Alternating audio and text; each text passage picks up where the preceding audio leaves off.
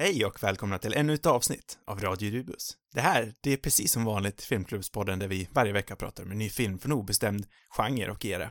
Jag heter Oskar och med mig har jag precis som vanligt min gode, gode vän och poddkollega Sam. God dag, Oskar. Den här veckan så eh, ska vi prata om eh, hans val av film och det är Social Network av eh, David Fincher. Precis. Ska jag dra handlingen Den- på en gång, eller nej? Nej, nu gör jag Nej. fel igen. Nu är du Ja, förhastad. jag är så taggad! Ursäkta, ursäkta. Jag håller mig. Den filmen, den är från 2010. I Sverige så släpptes den den 22 oktober samma år. Mm. Sa jag att den var regisserad av Fincher? Om jag inte sa det så säger jag det nu. Du nämnde det, tror jag. Filmen ska vi prata om i spoiler fantastisk detalj, precis som vanligt. Så har ni inte sett den innan, passa på och gör det, vet jag.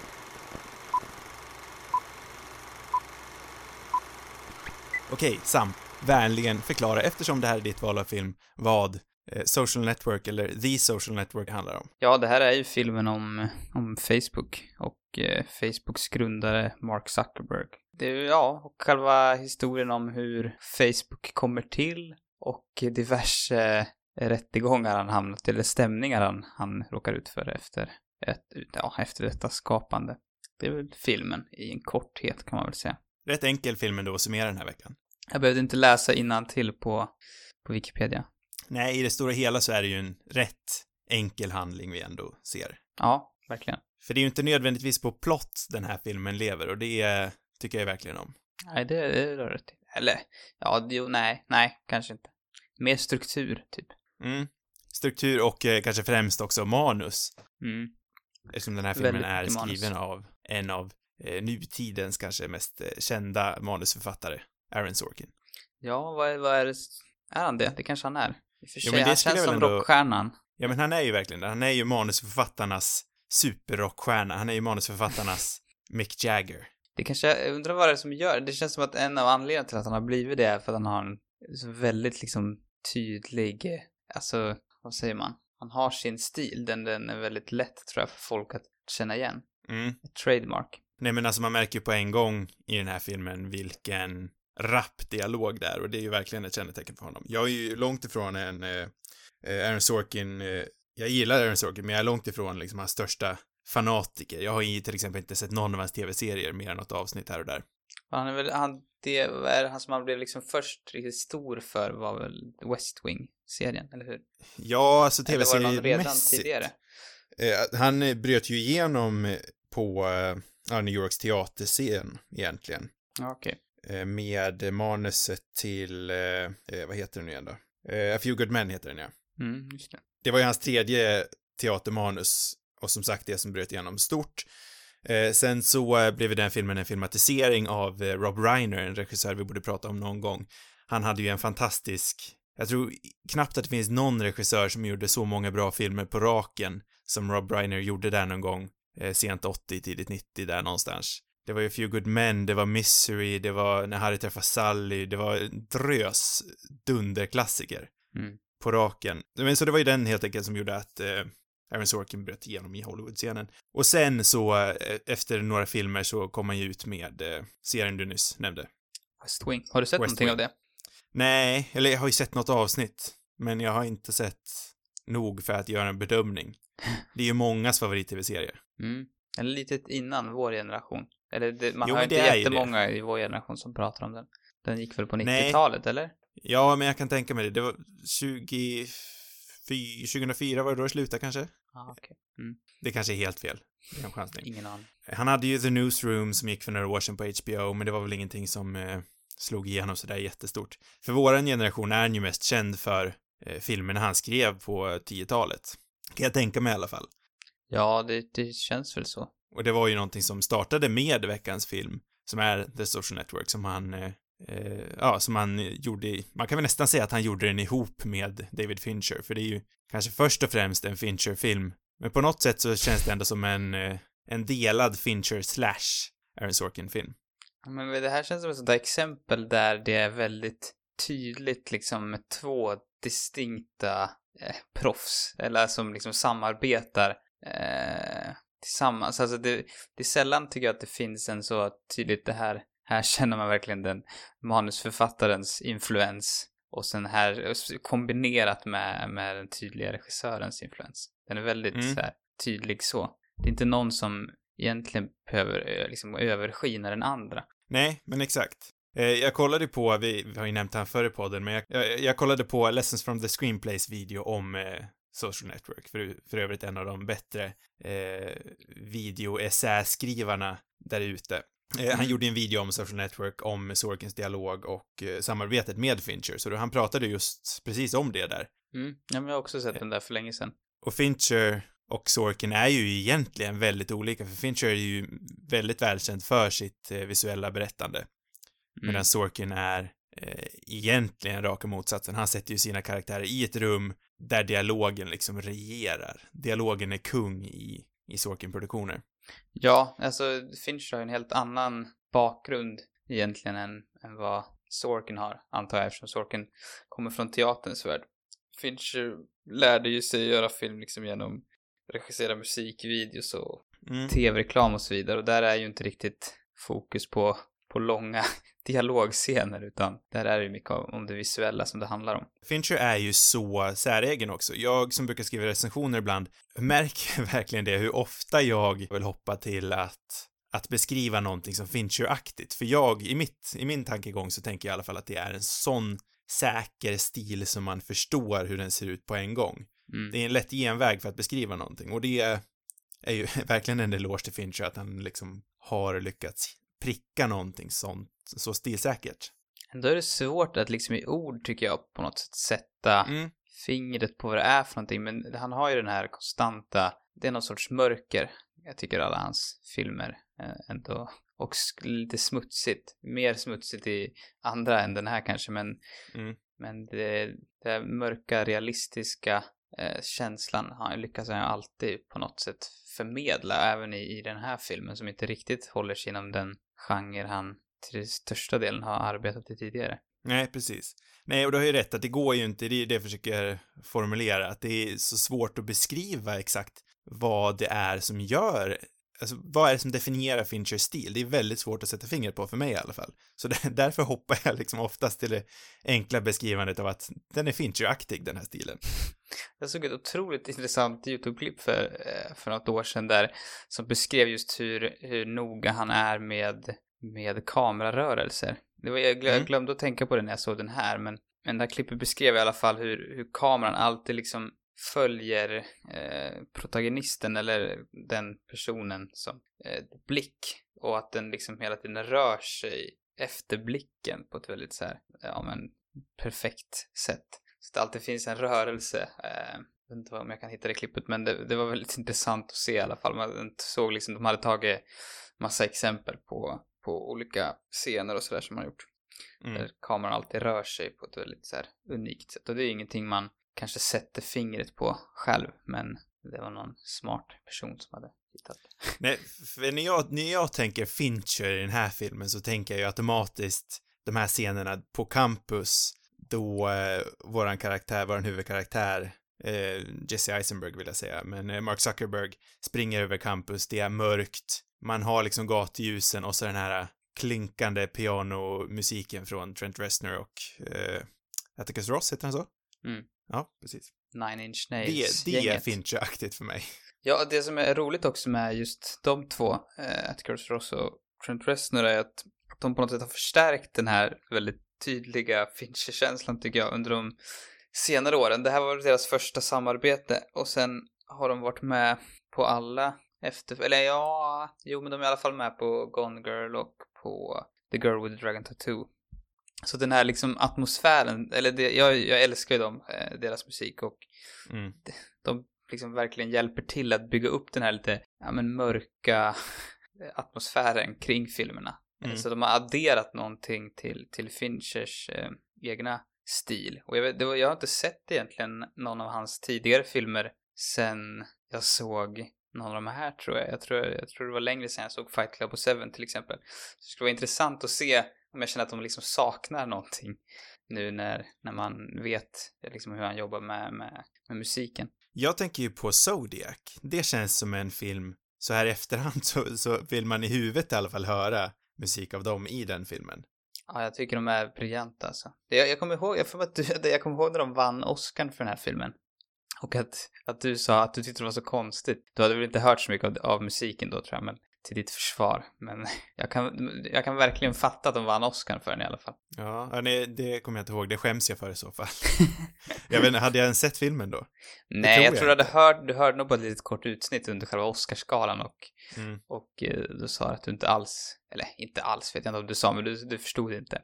Men nu i efterhand kan även du förstå, antar jag att... Otroligt välförtjänat, välförtjänt att de vann. Ja, det känns Men som jag- att de är liksom 10-talets, eh, för mig kanske de viktigaste rent så här filmmusikmässigt på 10-talet. I och för sig så vet jag att de jobbade med, med David Lynch redan tidigare faktiskt. Det här med Fincher-aktighet, så ett uttryck, jag vet inte, jag antar att vi myntar det nu, men de har ju verkligen smält in i den här Fincher-aktigheten, för om jag ska ta ett annat tv-exempel, tänker jag direkt på den senaste säsongen av Westworld, Mm. eh, där Ramin Djawadi, som också är skitduktig, men jag tänker att han försöker också närma sig den här Atticus Ross, eh, ja, jag butchar deras namn igen, men jag tänker att han vill närma sig deras musik i den här nya säsongen av Westworld som också känns väldigt Fincherig Mm. i den här stilenheten. Jag tänker att den verkligen försöker härma Fincher den också.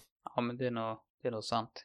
Men har också den här, jag- o, alltså West, det som West, liknar Westworld också med, med Finch, det är det där äh, samhället som är ganska hårt, som det på något sätt porträtterar ändå. Mm. Det är ju sällan ett vidare förlåtande eller fint samhälle som, som Finch porträtterar. Det känns som även de eh, ganska odramatiska händelser kan bli rätt mörka. Bara att någon Ja, springer över en skolgård till exempel blir liksom superdyster. Ja, det är någonting spännande över att se han springa över campus. Ja, och det, det roliga med det här soundtracket är att jag har lyssnat så otroligt mycket på det och jag, det blir liksom aldrig gammalt för mig heller. Eh, och jag har spenderat många så här höstpromenader med det, här, med det här ljudet i öronen så att jag får liksom direkt flashbacks till det hela tiden. Och det, det är verkligen egentligen fel tid att kolla på den här filmen för jag tycker att det är en sån otrolig höstfilm. Det är så här att den ska, den ska ses någon gång i, i november tycker jag. Det, då är den som bäst liksom. Jag eh, skulle vilja gå tillbaka lite, vi lämnar det lite för snabbt. Vi pratade ju om det här med eh, Finchers kamerarörelser. Mm. Eh, Du pratade om det i alla fall, att du hade sett något klipp. Och i det här klippet jag har sett nu då, eh, med eh, Lessons from the Screenplay, tog han faktiskt upp ungefär samma sak. Det kanske är Eh. därifrån, vem vet? men ja, jag men tror det var ett bara annat klipp. från Social Network, inte från andra filmer. Nej, okej. Eh, Men han pratade i alla fall hur, hur Sorkin och Finchers olika stilar kombinerades i en central scen. Och den han jämförde då var ju den här scenen då, då Zuckerberg tappar intresset inne på förhöret. Mm. Då han kollar ut genom fönstret och så börjar han tänka på någonting annat. Kommer du ihåg den scenen? Mm. Eh, och där förklarade han hur, för normalt sett i en Sorkin-produktion så är han är ju känd för sina walk and talks. Det har ju till och med fått ett eget namn Mm. eh, då, då de försöker få in någon slags visuell dynamik i en lång monolog eller dialogscen så rör de sig bara för att få in något slags liv i scenen. Men hur Fincher gör det är ju istället genom att klippa rätt så frenetiskt. Så jag har skrivit upp här hur, eh, hur precis de gjorde det. Om jag förstår rätt så var det tre sidor med eh, ren dialog i manus. Mm. Eller nej, två sidor ren dialog, förlåt. Eh, och sen hade han satt upp 16 vinklar, kameravinklar i det där rummet. Det är rätt så galet. Och så klippte han 33 gånger. Så man ser ju verkligen där hur Fincher väljer att arbeta filmiskt på ett annat sätt än, än att bara göra en walk and talk, för den här filmen innehåller ingen sån. Jag tycker också det är ett perfekt exempel på varför han förmodligen har nått sån otrolig framgång. Alltså, Mm. och på ett sätt som kanske inte tänker så mycket på, men det är ändå när, alltså, han gör ju verkligen film för, för den, ja men, för- för den moderna människan eller för, för nutidens människor. Eh, Mm. Och det är säkerligen, mycket av det där kommer ju förmodligen från hans tidiga, liksom när han jobbade med musikvideos och tv-reklam, för där handlar det verkligen om att det ska gå, gå fort och där får det aldrig bli liksom tråkigt på något sätt.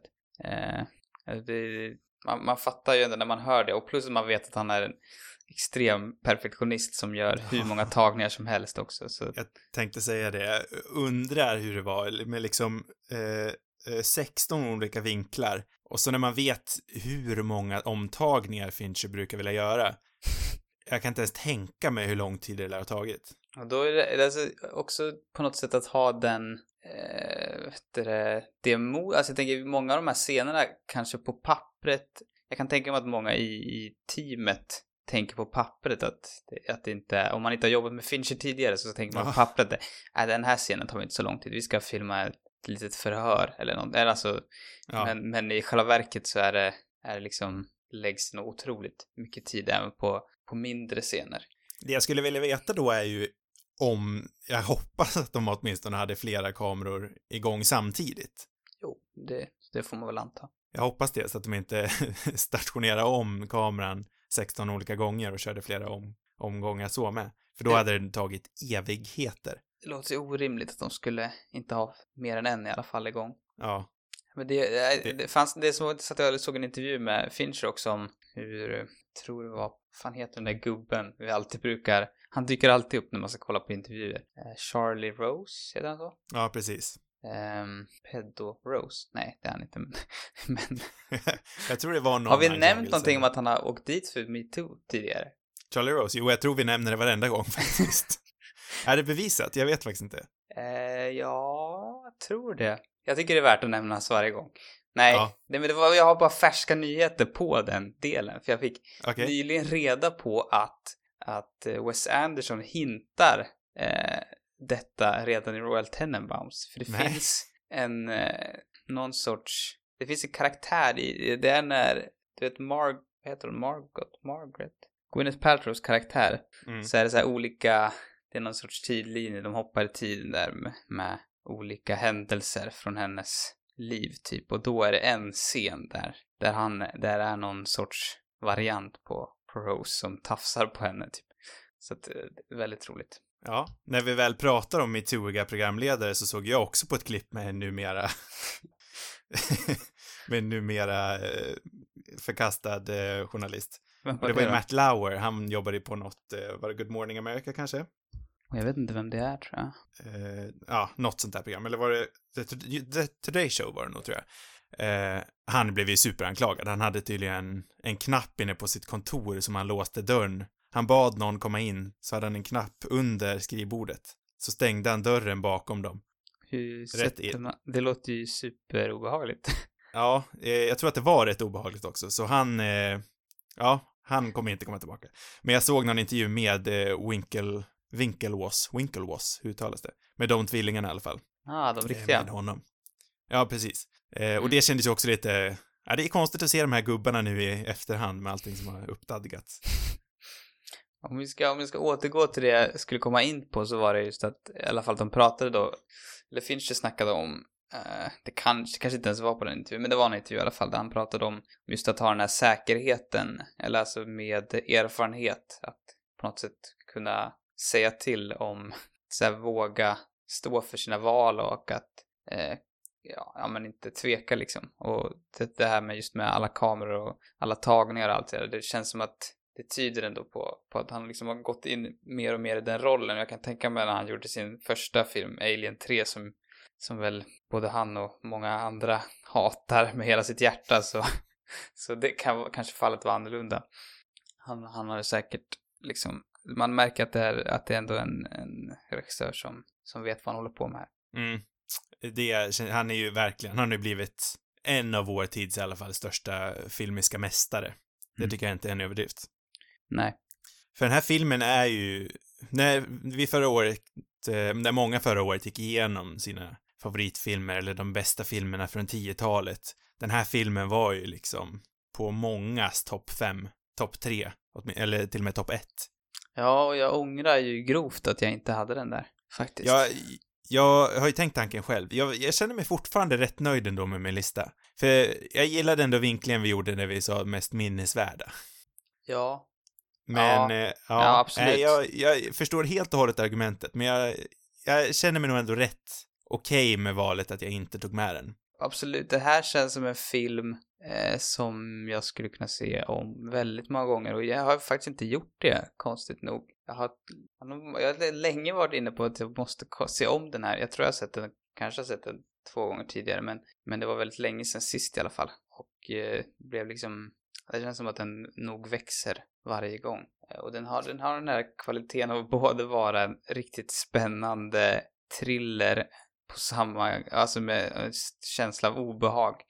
Eh, Mm. På samma gång som att, som att den är mysig på något vis tycker jag. Att det blir, det, den, den, eh, jag är ju en person som verkligen gillar nostalgiska filmer och det här är ju inte någonting som jag själv har upplevt. Eh, som det ofta brukar vara fallet även med andra nostalgiska filmer men, men ändå känner jag någon sorts nostalgisk känsla av, ja men det är någonting i alla fall som finns här. Mm. Eh, så, att, så att kombon mellan, mellan mys och obehag är ju perfekt.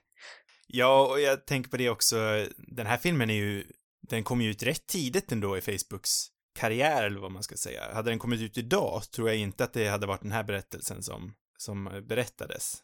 Eller Nej. kanske att samma berättelse berättas, men de hade nog vinklat om det mycket mer mot det här med personligt, med personlig data. Ja, den, eh, den liksom, Det nämns ju Mm. lite grann här och när det gör det, alltså det sänder ju nästan kalla kårar genom hela kroppen för att det känns som att den ändå var rätt tidig med att ens nämna det, för jag tror att när man nämnde det då, när man hörde den, de replikerna 2010, så tror jag inte ens man hade reflekterat över det. nej, det, så kan det säkert vara. Och jag såg också någon intervju med, eh, med Mark Zuckerberg som var, kom kanske ett år efter den här filmen kom ut eller någonting, där, de, där han också blev nästan lite ställd mot väggen redan då omkring kring data och så vidare. Eh, Mm. som också blev lite obehaglig i efterhand. Egentligen, alltså det man ska säga är väl att den här, ja det är ju omöjligt att sätta sig in hur Marks, den riktiga Mark Zuckerberg är. Men han är ju, jag har alltid liksom känt mig så splittrad där, för jag tycker att han ser så, liksom, ser så snäll och gullig ut. Den riktiga Mark. Och han är också, i och för sig är han förmodligen mognare och äldre i, i många av de intervjuer man har sett med honom.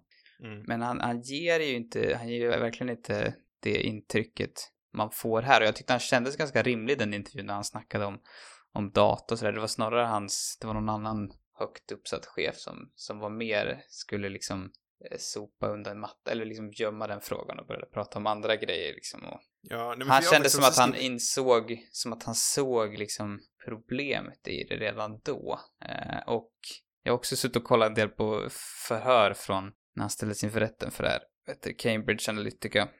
Jag tycker också att han känns som en, eh, alltså jag, det är vissa gånger som han liksom ställer sig emot honom, men till stor del kände jag ändå att det var på hans sida nästan. Så att, jag vet inte. Men jag, jag har faktiskt skrivit upp det här jag också. Jag tycker att han, eh, jag har inte ens ett Facebook-konto själv, så jag, och jag har aldrig haft det, så jag är inte vidare insatt. Men jag tycker att när man kollar på intervjuer med den riktiga Mark Zuckerberg så känns han ändå mer sympatisk än hur eh, Jesse Eisenberg spelar. För en, Eisenberg spelar ju en, en otroligt kall och analytisk människa. Han gör det väldigt bra. Men den riktiga Zuckerberg-intervjuer ler ju i alla fall. Han, han visar någon form av känslomässig eh, range, men det gör inte Zuckerberg, eller eh, Eisenberg. Nej, men ändå tycker jag att den, att Zuckerbergs karaktär är på, alltså han är ju hatbar på så många vis. Alltså han är ju ett riktigt svin, men Pratar Men- vi filmen nu? nu snackar vi filmen. Eh, Ja. Men eh, det finns ju ändå någonting som man kan sympatisera med hos honom. Absolut känner man det tycker jag i slutet. Ja, Ja, men bland annat i den scenen när Rashida Jones karaktär, jag vet inte vad hon, har, vad hon är för någonting riktigt. Hon jobbar som någon sorts advokat. Men, men när hon säger att han, att han inte är ett svin, men att han kämpar för, väldigt hårt för att vara ett svin. Eh, och sen också den här scenen när han sitter efter de har nått en miljon, eller vad är det, nej, vad är det de har nått för någonting? Är det en inte en miljon? miljon. Jo, det kanske är en miljon. nej men mer än en miljon måste det väl vara? Kanske inte i den här Eller filmen nej, nej då. men då är vi rätt tidigt ändå. Ja, nej, en miljon måste det vara. Ja, de firar i alla fall, men han hänger Ja. inte med på festen han, för han har liksom svikit Eduardo där. Och då ser man, ja men, ja, men det, ja, det går, man kan också tycka synd om honom, tycker jag. Mm. Och sen är jag, alltså han är också likeable, eller lite likeable också för att han är så vass. Och det tycker jag ändå att man kan känna igen lite i när man kollar på de här intervjuerna från, med den riktiga Mark, om Cambridge Analytica till exempel, att han har, även där är han ju lite spydig och han är otroligt vass. Det är få av de här eh, liksom gamla gubbarna som som riktigt mäktar med att ställa han mot väggen. Det finns liksom ett så här, jag kan känna någon sorts men jag kan gilla lite det där fuck you till, till de här gamla gubbarna också för att eh, ja, men, du förstår vad jag, vad jag menar för någonting. Det, Ja, ja. det finns någonting älskvärt i det också, att han, att han liksom bara, ja, att han bara kan liksom håna dem på det viset. Ja, men jag såg ju något när, när Lindsey Graham, Graham, Lindsey Graham, eh, försökte, ja, försökte komma åt han på något vis och han är ju en, en riktig praktidiot. Han är väl en av Trumps största supporters och eh, hade ju verkligen noll koll på det där. Så där var det ju faktiskt rätt tillfredsställande ändå och liksom se han dumförklara dem. Ja, och även de som är, alltså han kände som att han kunde ta sig rätt bra ur, ur många grejer, även om vissa grejer var såklart var svåra, men, men eh, det är ju, man kan liksom sympatisera med honom för att han är så vass också, tycker jag. Mm. Men jag tror att mycket av det eh, som du nämnde där också på slutet när Rashida Jones, som jag för övrigt tycker är fruktansvärt eh, underskattad, är kanske fel ord, men underanvänd i alla fall. Mm. Eh, det är ju väldigt fint som du säger och det gör väldigt mycket för att man ska eh, sympatisera med eh, Zuckerberg. Men jag tror också det har väldigt mycket med Sorkins manus att göra. Att han väljer att öppna det med den här scenen där vi för övrigt får se eh, Rooney Maras eh, genomslagsroll. Mm. Eh, vilket är fruktansvärt kul att se. Eh, men hur de bygger upp det redan där, liksom, att hon kallar den för en, vad fan är det de säger, det är ju en jättebra replik. Eh, ja, men hon kallar den för en idiot i alla fall. Och sen att de binder ihop det sen med att han är inte en idiot, han försöker bara vara en, liksom. Ja, ja men precis. Så det är ju 100% eller 90% eh, Sorkins förtjänst ändå. Sen är det, det är också något extra sorgligt i det där, för jag tror inte att han försöker vara en idiot. Det är mer att, det, att han inte, delvis inte kan rå för det. Som Mm. gör det ännu mer, som jag, eller det kanske var det du menade, men det är det som gör det Ja, liksom deppigt. ja, nej, jag tror inte att han medvetet går omkring och tänker nu ska jag vara en idiot, för det hade ju vi sett i så fall. Ja, eh, så nej men eh, att, att på det viset de under hela filmen porträtterar honom tycker jag blir, eh, det, det blir, gör ju filmen extra stark och det finns liksom en väldigt så stark emotionell kvalitet i den här filmen tycker jag också om de här två vännerna, eh, Mark Zuckerberg och Eduardo, Severin, som, som de har en rätt knackig relation liksom, men, men, men jag, det känns verkligen tycker jag i, i slutet när, när Eduardo stormar in på deras kontor i, Mm. i Kalifornien och eh, när, är han, när han har blivit lurad.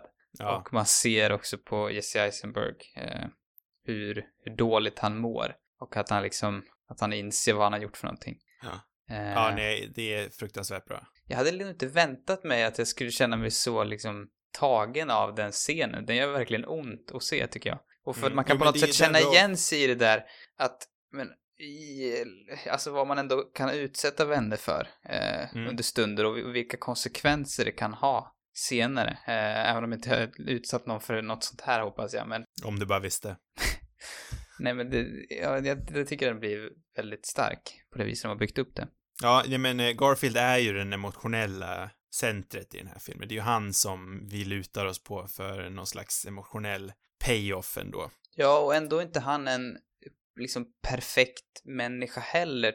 Och det är just det tycker jag som, som gör det extra bra. För att han känns, känns som en trovärdig, det känns som trovärdiga personer. Eh, han är liksom Ja, inte det- en ängel, men han är ju ändå ängeln i filmen kanske. Ja, för han, precis, vad- jag tänkte faktiskt exakt säga ängel. För Mm. han blir ju ängeln på Zuckerbergs axel medan Justin Timberlakes eh, Sean Parker är djävulen på axeln. Mm. Eh, så det, det blir ju verkligen där, för Zuckerberg är någon slags neutral punkt ändå. Ja, När, det, är- när det kommer till känslor så är han ju väldigt, nästan apatisk. ja, eller han, ja, han visar dem inte i alla fall. Nej. Jag tycker också det är liksom väldigt, det är en otroligt bra scen när, när eh, Justin Timberlake Sean Parker dyker upp första gången på den här restaurangen. Mm. Eh, När de sitter där och pratar och eh, Mark är liksom helt, han älskar honom. Medan Eduardo ser, ja, snarare avskyr honom. Och Mm. ser liksom alla baksidor. Jag kan, där kan man också känna igen sig i på något sätt. Alltså att det, att det är någon, kanske någon kompis som man, som så här, inte vet jag, lär känna någon annan som man inte alls delar samma uppfattningar med. Man kan på något Mm. sätt, och nästan blir hög på den personen på det här viset. Så man kan verkligen liksom eh, sätta sig in i Eduardo där, i den här liksom svartsjukan nästan till. Mm. Och att han inte får, att han liksom inte riktigt får vara med. svartsjuka är ju också alltid, till stor del, ofta väldigt orimlig och Eduardo är ju faktiskt lite orimligt avstängd mot eh, Parker. Ja, och precis. Och det, det, därför, det är också liksom en, en av de grejerna som gör honom så mänsklig, tycker jag. Eh, Mm, för han är alltså, Parker har ju också sina poänger. Även fast han blir väldigt målad som skurken så har han ju inte 100% fel. man kan också se liksom varför Mark blir så, eh, gillar Sean Parker. För att, Mm. för Sean Parker ser Mark på ett sätt som ingen annan tidigare riktigt gjort. Eh, han blir liksom hyllad av, av Sean och det är också någon sorts, det är någonting han har saknat. Så man kan liksom fatta att han, att han verkligen gillar honom och det blir ju också känslosamt kan jag tycka, att se, att se det. Ja, ska vi prata lite om biopic-genren också? Ja, vi borde ju liksom få in, för det här är ju, det är knappt så att man vill nämna det här som en biopic för att den, den känns så mycket bättre än typ allt annat. Eh. jag, jag har läst på lite grann, inte så mycket som jag skulle vilja göra. Eh, jag hittade en bok nu typ en timme innan vi började, så jag hann läsa lite grann. Eh, och jag läste lite om de här vanligaste troperna i en biopic. Mm. För det här är ju ändå i, i grunden så är det ju faktiskt en... Vi får inte följa han, det är ju inte den här klassiska där vi får följa Zuckerberg från, eh, från eh, födsel till död. Vi får inte se han eh, liksom på sin eh, ja, den sista konserten han gör när han dör, som vi får se i de flesta musical biopicsen. Ja, just det. Eh, men det följer ju ändå det kanske mest, eh, tropen som är mest standard för en biopic, och det är ju faktiskt Flashback. Även fast vi inte får se han vid hans dödspunkt så, så eh, utspelar sig filmen, den börjar ju nutid vid de här förhören. Mm. Och sen flashar vi tillbaka, och det är ju en väldigt vanlig trop. Eh, sen så har vi också, den här filmen har väl ingen voiceover va? Nej. Nej, jag tror inte det. Eh, För voiceover är en annan trop och sen eh, det här med eh, att, eh, med en väldigt opportunistisk familj som försöker komma åt eh, hans tillgångar och utnyttja honom. Och den rollen får väl ändå Sean Parker i den här filmen. Eller det var inte Winklevoss då? Ja, de också i och för sig. Men jag tycker inte den här filmen, från det jag hunnit läsa nu, tycker jag inte att den följer till punkt och pricka de här vanligaste troperna. Den, van, den jag såg som den allra mest tar ifrån är ju Flashback-tropen. Eh, Men sen finns det också, det finns tydligen två stycken vanliga arketyper i eh, en biopic eh, som man ofta följer. Antingen så följer man eh, vad, ja, jag kanske ska säga det också, han heter George F. Eh, Custen, han som har skrivit boken, och det var Bio slash Pix, How Hollywood, vad har jag skrivit? How Hollywood, Hollywood, punkt, punkt, punkt. How Hollywood Construed Public History. Mm. Eh, och han har ju sagt det då att det finns två vanliga huvudroller vi följer. Antingen så är det The Idol of Consumption. Mm. Och den ser vi väl vanligast då i, i de här musikbiopicsen. Då får vi se- följa någon som, eh, ja men någon som blir en produkt. Mm. Eh, ja men vad- artister till exempel. Eh, men sen i den här filmen så får vi snarare då följa vad han kallade för Idol of Production, alltså någon som har haft en väldigt stor roll i att förändra samhället. Till exempel i Lincoln får vi följa Lincoln. Förändrat samhället väldigt mycket. Och det kan man ju ändå säga om eh, Zuckerberg också. Han är väl inte en stjärna i samma mån som till exempel Freddie Mercury är. Utan han är snarare någon som bakom kulisserna har förändrat samhället. Ja, förmodligen till lika hög grad som Lincoln. Ja, precis. Han, om 50 år kommer vi säkert se att han har gjort det. För Lincoln förändrade ju bara eh, ett land. Zuckerberg har ju faktiskt förändrat världen, sjukt nog. Exakt.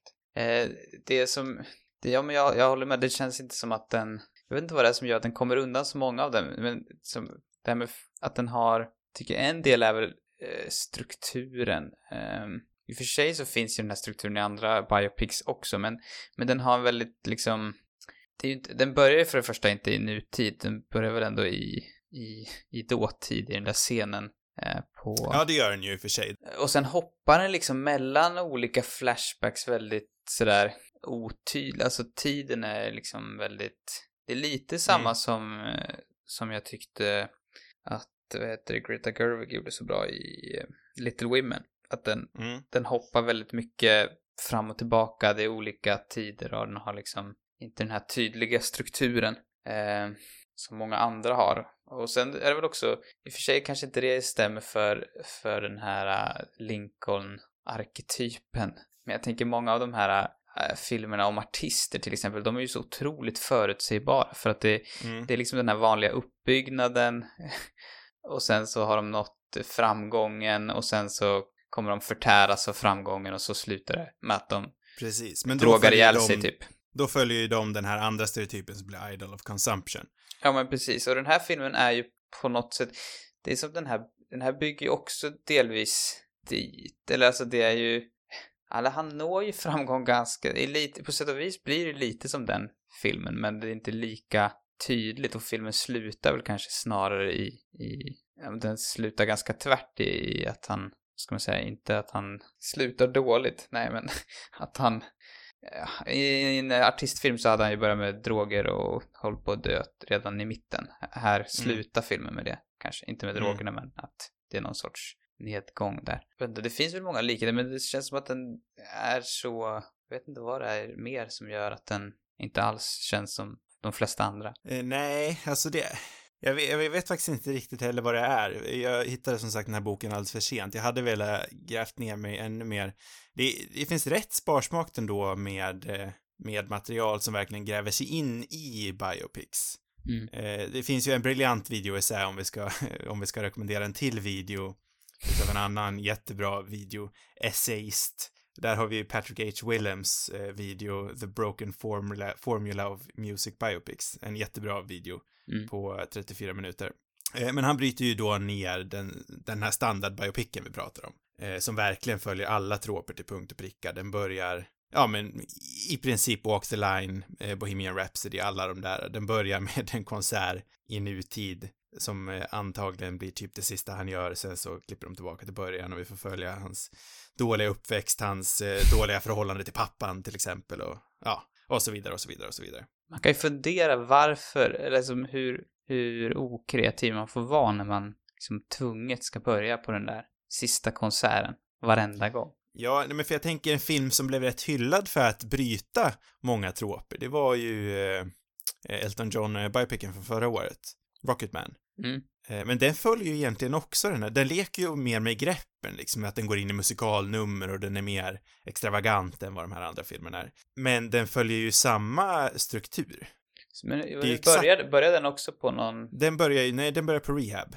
Ja, just det. Men rehab-rummet där blir ju någon slags scen för att han bryter ju in i de här musikal, i de här musikalnumren. Mm. Eh, och sen så går den ju tillbaka till hans eh, dåliga uppväxt, hans, hans dåliga pappa och ja, följer alla de här vanliga troperna. Det är ju också någonting man slipper i den här filmen. Mm, Alltså, det handlar inte så... Alltså, man, den här filmen bygger ju upp så mycket mer... Eller jag kände så mycket starkare för den här karaktären än vad jag kände för någon av karaktärerna, till exempel Bohemian Rhapsody.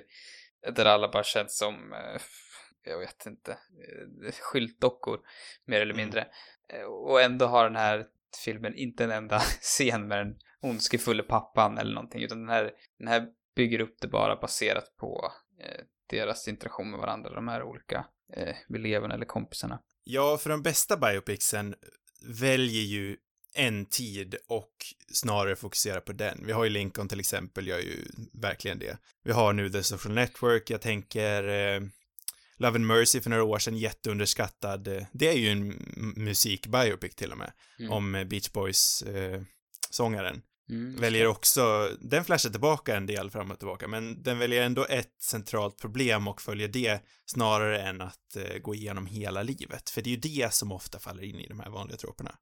Ja, ja men precis. Och ibland också, jag gillar ju mer idén att det är en stor händelse som filmen handlar om och det kan funka riktigt bra ibland men i vissa fall kan man känna att det liksom bara bygger upp till den också. Mm. Eller i och för sig kanske det är det som är samma grej som händer i de där vanliga musikbiopicsen. Jag vet inte. Jag vet, det som är, det som är häftigt med den är ju just att den, den börjar med att han liksom skapar hela, det är ju en ganska lång sekvens för att han skapar det första, vet du, det, face smash. Mm. Och, och då har vi inte sett någon, vet du, flashback alls än. Och sen får man liksom, blir man nästan slagen i ansiktet med att, hur man ser hur han sitter i, i någon sorts eh, rättegång med, eh, med eh, Andrew Garfield på andra sidan, eller Eduardo, som hans Mm. motståndare. Och det, jag tycker det är där liksom, mycket där kvaliteten ligger, att, att, att på det viset eh, lyckas förvåna en och att de klipper mellan Flashback på ett mycket mer Alltså det har en, en starkare betydelse, ett syfte än vad det ofta annars har. Inte det här kanske alltid klassiska syftet där man ska utforska någons förflutna utan det är mer som att den det är som att Flash, framtiden blir Flashbacks istället. på något konstigt sätt. Ja, men för den här eh, traditionella, vi kallar den för Idol of Consumption, biopicen då, som följer det här vanliga Walk the Line, eh, som för övrigt är väldigt bra, men den går ju verkligen direkt in i, i eh, standardtroperna. Men den har ju de här flashbacksen som eh, som bookends. Den börjar där och den slutar där. Den går inte tillbaka i mitten. Den hoppar inte emellan. Den leker inte med tidslinjerna. Nej. Det här är ju mycket mer innovativt och det ger verkligen mer av en, en ja men, ja men det känns enhetligt när man binder ihop det snarare än att nu gör vi det här, sen så får vi det här berättat för oss, sen går vi tillbaka. Det här är en enhetlig berättelse. Ja, och som hela tiden driver framåt. Jag skulle vilja, det vore intressant att se Fincher ta sig an någonting. I och för sig är det det han håller på med nu också när hans, med hans nya film. Den här Mank som handlar om, om vad heter det, han som, det är väl han som skrev Citizen Kane. Mm. Det är ju inte heller den, det man traditionellt sett ändå tänker Fincher är ju som vi sa tidigare de här, eh, ja men mer mordhistorierna, typ, ish. Mm. Eller thrillers. Ja men kalla, ja, kalla thrillers. Det, jag tror det blir kul att se en till sån film där han lyckas göra ett, ett drama men ändå med den här thrillerkvaliteten. Ja, för det, du sa det tidigare att den här filmen, det här är ju inte en thriller, men det känns som en thriller. Man, man är ju konstant spänd. Ja. Det, det är, ja, det är samtidigt fruktansvärt snyggt. Ja, men det, hela den här historien och också rent visuellt så, så är det någonting, och musiken så är det någonting väldigt obehagligt över den. Den förutspår på något sätt att det inte kommer sluta väl. Nej men det, det är verkligen, det känns som en, det känns som en thriller tycker jag. Och Mm. det, det är ändå rätt oväntat att, att se en, en film om Facebooks skapande i, i den Verkligen. formen. Det är ju två karaktärer vi inte e- egentligen har pratat så mycket om och det är ju Winklevoss-tvillingarna. Jag nämnde dem lite tidigare, men vi har inte snackat om dem som karaktärer. Nej. Eh, Egentligen skulle jag mest vilja prata om hur jäkla bra den effekten är. Mhm. Ja, Det och hur bra, eh, vad heter det, på, vet du, Army Hammer är på att porträttera de två. Och jag, jag tycker också lite synd om, hette han Josh Pence? Kommer jag ihåg rätt då? Han som spelar, han som är body double för, ja precis, Josh Pence. Han Jag tycker lite synd om honom. ersatt. Ja, men för minns jag rätt så var det som hugget och stucket vem utav dem det var som skulle ha ansiktet i filmen. Jag kanske minns fel, men jag, jag har inte för mig att det var bestämt i början att det skulle vara Army Hammer. Det kunde lika gärna blivit Josh Pence ansikte som syntes. Ja, jag läste att Fincher tyckte att Army Hammer var mer lik de riktiga tvillingarna. Jo, men det är, så är det ju. Verkligen. Så att, Eh, Det var ju rätt val att välja eh, Army Hammer och Hammer har ju också haft en bättre karriär efteråt. Han Ja. hade väl till och med en karriär innan. Josh Pence har väl inte gjort sådär jättemycket. jag vet typ inte ens riktigt vem det är. En annan roll han har sådär på rak arm, han spelade ju unga Ra's al Ghul i, i Dark Knight Rises, också en väldigt minimal roll. Mm. Eh, nej, jag, jag tycker bara lite synd om honom att han ändå kunde haft en rätt så stor roll i en otroligt omtyckt film. Mm. Ja, verkligen. Men, alltså effekten är ju sömlös, alltså den, det syns knappt. Sen gör de ju väldigt smart genom att klippa runt det också, så det är ju inte bara effekten. Nej, och det är väl både traditionella effekter och mer data, data gjort, eller hur? Ja, det tror jag. Det, som sagt, den här informationen kommer från huvudet, men jag vill säga det, ja. Nej men jag, och också finns det, jag tycker att eh, det finns, det är många rätt roliga scener med, med de två Army Hammers också. Som liksom på något sätt blir filmens, eh, det är nästan de som står för den största delen av komiken som också finns i den här filmen. Mm, ja men det blir det. Den där lite torra Fincher-humorn. Ja, tillsammans med eh, de här galenskaperna som eh, sker sen när de flyttar till LA, men för till det mesta så är det ju Hammer som står för humorn. Mm, mm. Det blir ju mest liksom på deras bekostnad. Ja. Det är rätt ofta man gör kul åt dem. Man, man känner inte jättemycket sympati för dem efter filmen faktiskt. Så de är väl några, de är väl de två som kanske inte får den bästa porträtteringen i filmen. Jag tycker ändå att alla andra, ja, jag vet inte om Zuckerberg borde vara så nöjd egentligen, men Han känns borde som de så två- de två är, tänker jag i alla fall är de som blir mest orättvist behandlade. Sen vet jag inte hur de är i verkligheten, men Det känns som att Mark Zuckerberg ändå är den som folk kommer ihåg som, som svinet. Men jag vet Ja. inte.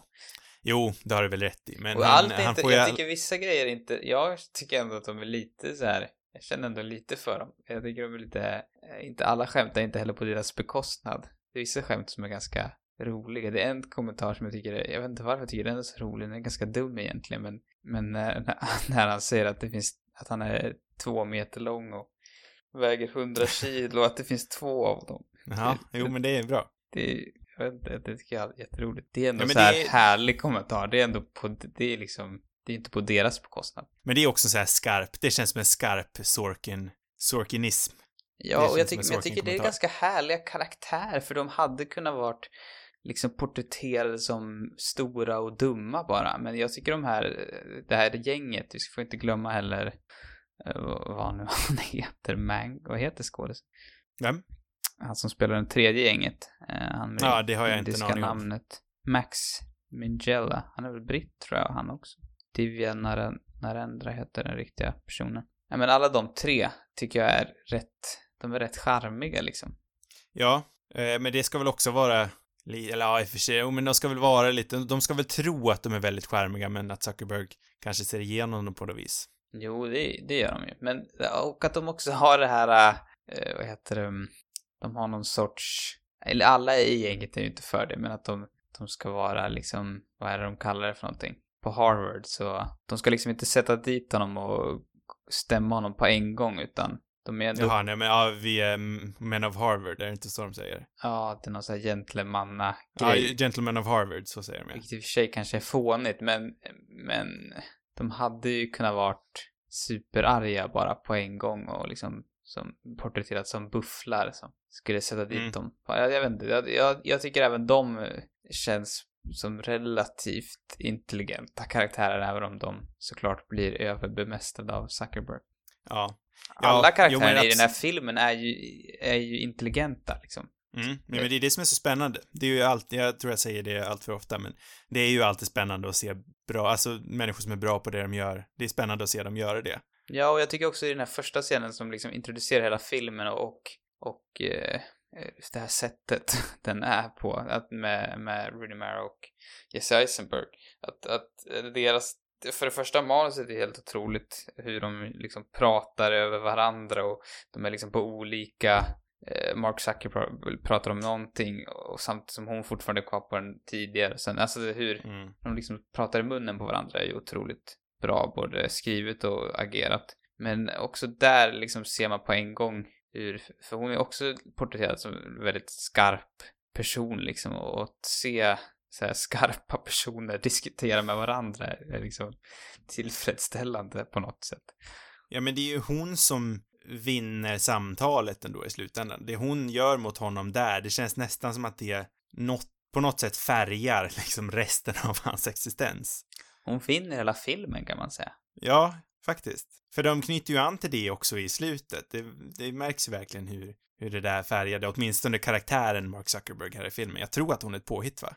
Ja, jag tror också det. Eller jag läste att han träffade sin nuvarande fru redan under den, den tiden på Harvard. Kanske inte, Mm. när han, inte innan han skapade Facebook, det vet jag inte. Men, så att det, är mycket av det där som är tillagt bara för dramat, antar jag. Mm. Men eh, det är ju otroligt bra för filmen dock. Verkligen. Och det är också, där kommer jag också in på en grej som jag tror, i och för sig så är det väl alltid grejen med biopics att man inte känner exakt till eh, hur det gick, eller hur det gick till. Eh, men det känns, jag tycker att, att Sorkin har tagit sig, han har förmodligen tagit sig rätt mycket friheter och det, det är just det som gör filmen så bra också. Att han inte har varit rädd för att ta sig friheter. Att det ändå är en film och inte, det ska liksom inte vara, det behöver inte vara ren fakta allting. Nej, men det är ju också, alltså en biopic ska ju alltid vara åtminstone grundad i verkligheten, men den behöver ju inte nödvändigtvis följa en punkt och pricka. Nej, nej, nej. Jag läste lite inte. annat ur en bok, eh, eh, Whose Lives Are There, Whose Lives Are They Anyway? Eh, the Biopic as Contemporary Film Genre av Dennis Bingham. Den öppnade med ett väldigt bra citat. Jag hann knappt läsa den här boken, men den öppnade med ett citat av eh, Oliver Stone. Jag kan läsa det här, för jag tyckte det passade väldigt bra in. Eh, den, eh, citatet handlar om hur han eh, porträtterade George Bush i filmen W för några år sedan. Och han sa I try to stay human and true to this man, George W. Bush. It's supposed to be a fair and true portrait. People get me confused with my outspoken citizen side, but I am a dramatist first and foremost. Han väljer alltså att dramatisera det hela före han väljer att eh, följa Bushes liv punkt och pricka. Jo, det, och såklart är ju det fallet med de flesta biopics att det, det är mycket, de har tagit sig mycket friheter. Mm. Ja, de har gjort det på ett bra vis. Ja, verkligen. Det, alltså det som gör att de kanske har gjort det ännu mer än många andra, det är väl att de som det handlar om inte är varit involverade i filmen. Problem, eller ett av de som känns som att en av de stora problemen med att, med att Queen-filmen inte var vidare bra. Det känns som att det var mycket för att eh, Queen själva var väldigt engagerade i filmen och förmodligen mm. inte ville eh, att de nu levande medlemmarna skulle porträtteras vidare illa. Uh, I den här filmen så är det liksom, det är ingen, Mark Zuckerberg visste att de skulle göra filmen men han hade ingenting att säga till om egentligen. I och för sig hade han kanske kunnat stämt dem möjligtvis men, men uh, de, de behöver liksom inte förhållas till någon och skådespelarna har inte, hade inte träffat, jag, nej jag tror inte någon av dem hade träffat någon av de riktiga personerna de gjorde filmen och det skiljer sig ändå från många andra biopics där där det ofta föregås av en, liksom där skådisarna möter den riktiga personen för att inspireras och så vidare. Nej men för det var ju, jag var inte ett, alltså jättestort fan av Rocket med filmen, jag tyckte den var okej. Okay. Men eh, där var ju också eh, Elton John väldigt med liksom, han, eh, ja men han var en producent, han skrev låtar till filmen, men jag tyckte ändå att de, eh, de var inte of, de var rätt oförlåtliga mot Elton John i den filmen. De porträtterade han som ett svin när han behövde vara det och han var liksom väldigt alkoholiserad, så han var inte alls så smickrat, smickrande porträtterad.